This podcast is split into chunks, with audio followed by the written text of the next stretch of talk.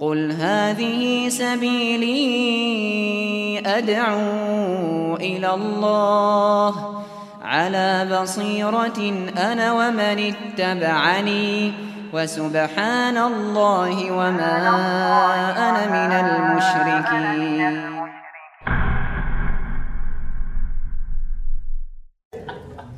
الحمد لله والصلاة والسلام على رسول الله وعلى آله ومن تبعهم بإحسان إلى يوم الدين.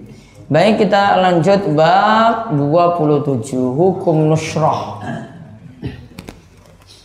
Apa itu nusrah? Nanti intinya pembahasan ini bolehkah mengatasi sihir lawan sihir? Santet lawan santet. Ya, kita lihat dalam pembahasan ini Jabir Jabir radhiyallahu anhu menuturkan bahwa Rasulullah shallallahu alaihi wasallam pernah ditanya tentang nusrah. Beliau lantas menjawab, "Ia min amali syaitan." Nusrah adalah perbuatan setan. Nusrah adalah perbuatan setan. Terus Imam, Imam Ahmad. Ahmad ketika ditanya tentang tentang nusrah berkata, Ibnu Mas'ud membenci semua bentuk nusrah. Imam Ibnu Mas'ud itu membenci semua bentuk nusrah. Terus Diriwayatkan dalam Sahih Bukhari dari Qatadah, dia berkata kepada Ibnul Musayyab, ada orang yang terkena sihir atau mungkin ditenung sehingga tidak bisa menggauli istrinya. Apakah dia diperbolehkan untuk melakukan nusrah? Ibnu Musayyab mengatakan, la ba'sa bihi innama yuridu nabihil islaha fa amma ma yunfa'u falam yunha anhu. Tidak mengapa, karena mereka melakukannya dalam rangka untuk kebaikan nusroh yang bisa bermanfaat itu tidaklah dilarang. Sekian nah, penukilan dari kita lihat di sini ada nusroh yang dibolehkan. Nanti ada rinciannya setelah itu. Ya, terus Al Hasan.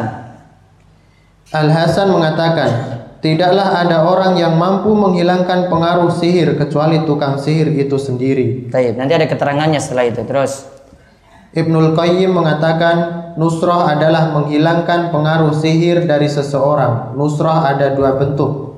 Satu. Satu. Menghilangkan pengaruh sihir dengan sihir pula. Nusroh inilah yang merupakan amal perbuatan setan.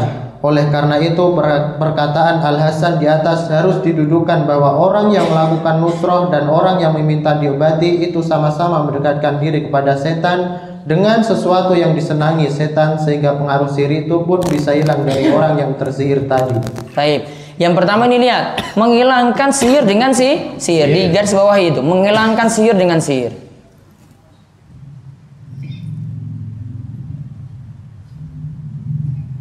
Nah, kalau kita katakan menghilangkan sihir dengan sihir, kesimpulannya dilarang.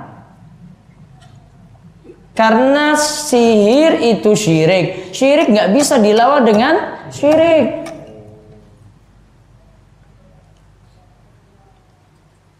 Karena yang satu itu minta tolong setan, yang satu juga minta tolong setan. Diadu, nggak selesai. Bukan kejelekan dibalas dengan kejelekan, nggak akan pernah selesai. Orang itu berantem, yang satu itu dijotos, dibalas lagi, jotosan lagi. Ini nggak akan pernah selesai. Pengen lagi, balas lagi. Wah, tunggu nanti kalau ketemu di jalan lagi saya pukul kamu nanti. Wah, ini nggak terima lagi. Besok kayak gitu terus rentetannya itu panjang sekali ceritanya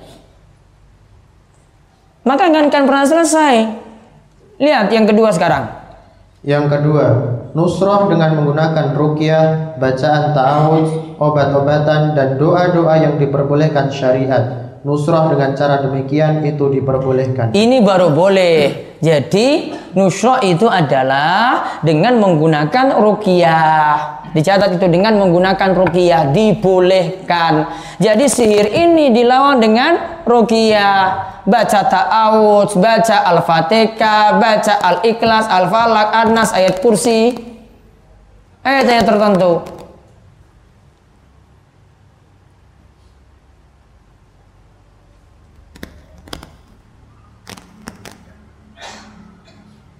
Berarti tadi yang tadi ada yang kena tenung tadi.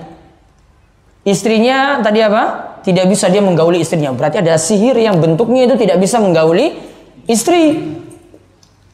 Ada sihir itu yang bentuknya tidak bisa menggauli istri. Nah, terus tadi dikatakan nggak apa-apa pakai nusroh. Apa yang dimaksud dengan nusroh di sini? Yang pertama apa yang kedua? Yang kedua, yaitu yang dengan menggunakan rukia. Maka beri catatan itu di sampingnya tadi yang nusroh tadi yang tidak bisa menggauli istri itu loh. Nusroh yang dimaksud adalah mengobati dengan rukiah. Nusroh yang dimaksud adalah mengobati dengan rukiah. Berarti bisa seperti itu. Ada yang ketika mendekati istrinya pokoknya ada masalah saja. Maka itu bisa disembuhkan dengan cara rukiah. Bahkan sampai ada yang tak kunjung punya keturunan, itu juga bisa disembuhkan juga dengan cara ruqyah.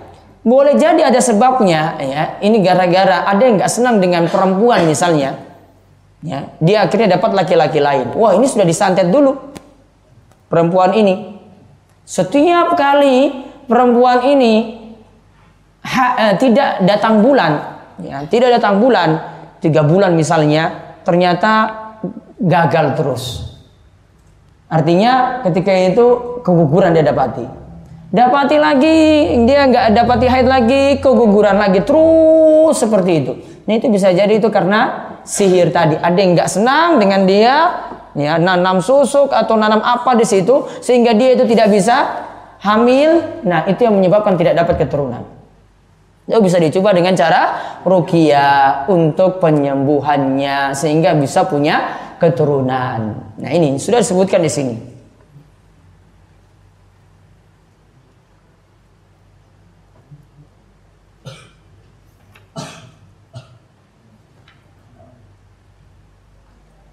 Nah terus sekarang baca kandungan bab. Kandungan bab 1. Larangan melakukan nusroh Larangan melakukan nusroh. Berarti yang dimaksudkan nusroh yang pertama. Sihir lawan si sihir. Terus. 2. Perbedaan antara nusroh yang dilarang dan nusroh yang diperbolehkan Sehingga sekarang jelaslah permasalahannya Nusroh yang dilarang jika sihir ini kena santet dibalas juga dengan sihir atau santet yang dibolehkan ini ada sihir atau santet dikalahkan dengan bacaan-bacaan Al-Qur'an dengan ayat-ayat ruqyah. Wallahu alam bisawab. Itu saja kita tutup ya wabillahi taufiq. Assalamualaikum warahmatullahi wabarakatuh.